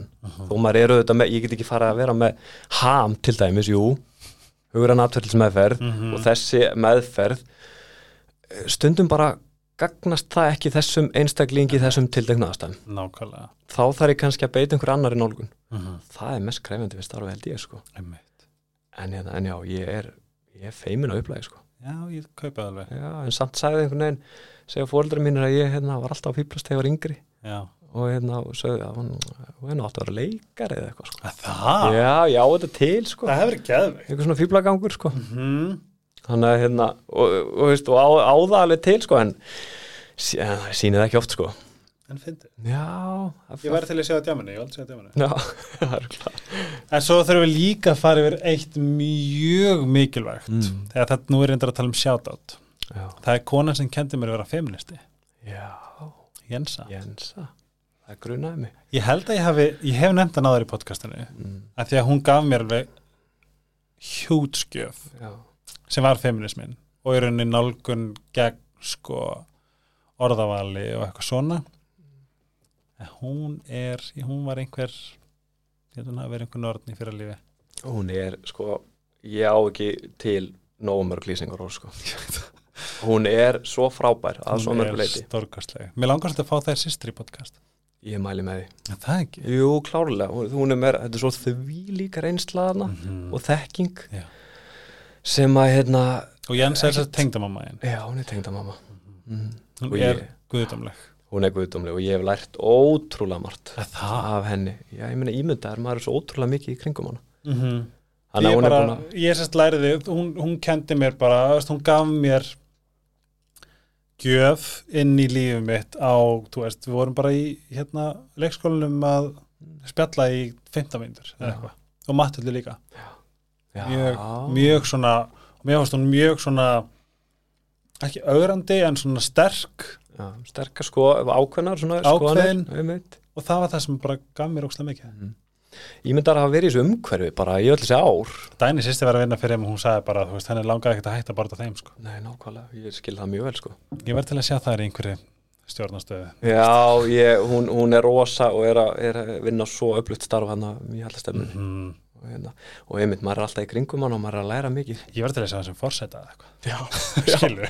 það er einhvern veginn bara viðhorfunennar sko Mm. Þú veist, það, það staðfest. er bara hvernig hún tæklar vandamál og hvernig, já, maður geti tala alveg lengi um hana sko. Við getum gert annarkvort fengið þær podcast eða annar podcast um þær. Já, nákvæmlega. En hvað er svona, ef, ef við tölum örlítið um þig, já, hvað hefur verið svona þín, hvað hefur verið svona þitt verkefni, sjálfsverkefni, Mhm. síðustu, síðustu mánuði ár, vá, einmitt, nákvæmlega Mitt, sem gagkinu kallmar. Nei. Í- Já, nákvæmlega. Ég myndi segja hérna bara öryggi með sjálfa mig, sjálfströst, Mm. svona þannig vinna, stíga út fyrir ramman Mhm. og ég finna bara með þessu sem ég er að gera núna, koma hérna til þín, fara í eitthvað viðtal, gera eitthvað nýtt. Mm. Það er mitt þannig með sjálfströstið út fyrir ramman. Læra þetta sér í lægi og maður hafi kannski færni Og maður lifar til þess það. að tækla því. Já, ég held að það sé svona vinnan sem ég hef verið að, allavega núna. Ég get alveg sagt það að það sem þú ert að gera núna er gríðarlega mikilvægt. Já, það skiptir maður í sammála. Það er svona, takk fyrir það. Takk, takk. Kolbjörn Björk, love you. Ég veit að þetta hlusta. Um, kollerinn, disleg. Kolla er eitt mesta lekjand í heiminum og það er tiktokari sem heitir Mad, Maddie Grace sem er upp á tiktokari minn sem er bara svolítið svipað hún. Já, já. Hérna Andri Rapp, þú Já. ert eins geggjaðar og ert sætur. Takk. Og ég mæli með að sjá hvernig þessi fjandi lítur út uh, var þetta podcast ennþá betra. Já, nákvæmlega. En annars þakka ég þér innilega fyrir að koma og fyrir starfið þitt. Takk. Þú ert geggjaður og það, við þurfum fleiri sálfræðinga og fleiri sálfræðinga sem að tala en þá herra og til Nákvæmlega. fleiri. Það er markmiði núna. Það er svona ég vona að þú vilji koma aftur einhvern tímann Klart. og höldum áfram að spreða andleri hilsu, sjálfstekkingu og uh, andleg perramál fyrir ykkur sem er hlusta. Takk fyrir að fá mig, Helgi. Vá, bara takk fyrir að koma. Takk. Ég þakka Sita Dominos og uh, Ice Herbs mest í heimi fyrir að styrkja mig og stiða mig í þessu podcasti. Ég mæli með, já, þið getur notað afslökkon helgarspjallið inn á sítakar.is bombið ykkur þið getur fengið það bara í bónus með rótjólunu og það er ekki pínu basic að vera alltaf að panta sér Dominos? Það er alltaf í mínu lífi. En það styrst jólinn, passið upp á ykkur takir tíma fyrir ykkur og hlakka til að koma næst í eirun ykkar. Vágat að hljóma illa, en það veitur hvað ég veit Ok, bye!